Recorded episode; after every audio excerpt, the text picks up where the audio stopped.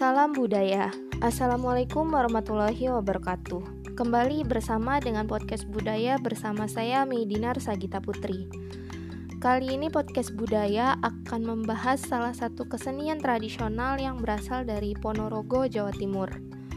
Tanpa berlama-lama langsung kita ke pembahasannya. Reok Ponorogo adalah salah satu kesenian tradisional yang berasal dari Ponorogo, Jawa Timur. Tarian tradisional ini merupakan kesenian yang berfungsi sebagai hiburan rakyat dan biasa tampil dalam pesta-pesta rakyat. Penari utama dalam kesenian reok Ponorogo sendiri adalah orang dengan topeng berkepala singa yang dihiasi bulu burung merak di sekelilingnya, ditambah dengan beberapa penari bertopeng dan berkuda lumping. Sejarah asal-usul reok Ponorogo sendiri ada beberapa versi. Namun, versi yang paling mendekati adalah pemberontakan Ki Ageng Kutu yang murka akan pengaruh kuat keluarga pihak sang istri yang berasal dari Tiongkok, serta kemarahannya kepada pemerintahan Majapahit yang korup. Ki Ageng Kutu kemudian meninggalkan sang raja dan mendirikan sebuah perguruan bela diri dan mengajarkan ilmu bela diri kepada anak-anak muda yang ada di sekitar perguruan.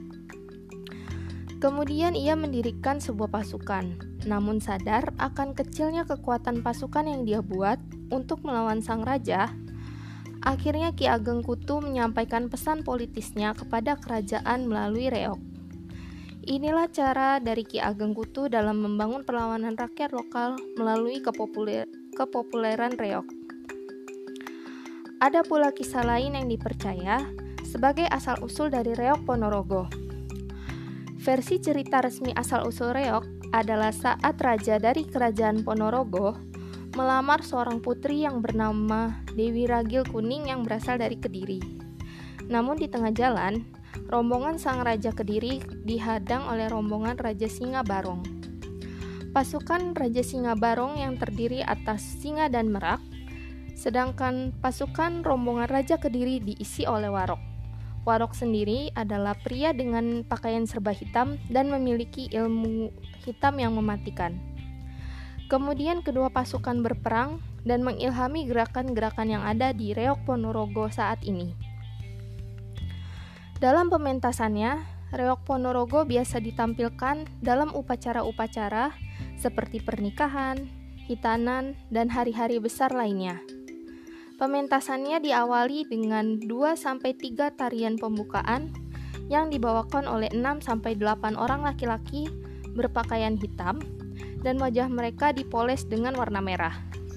Dilanjut dengan tarian yang dibawakan 6-8 orang perempuan yang menaiki kuda.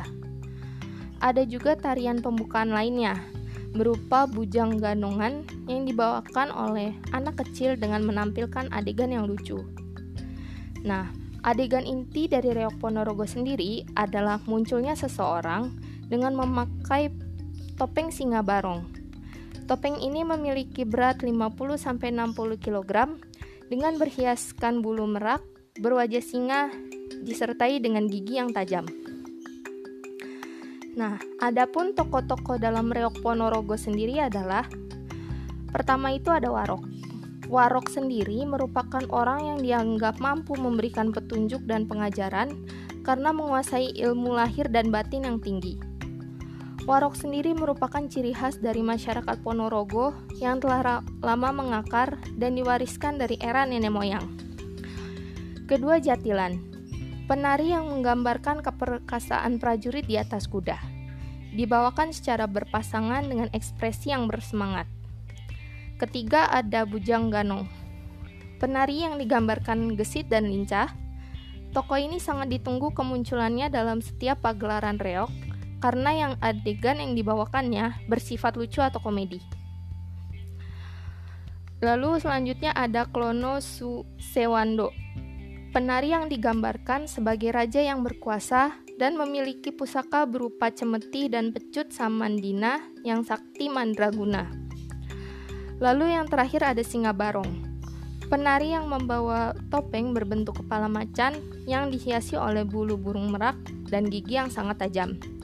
Nah, berat topeng ini mencapai 50 sampai 60 kg.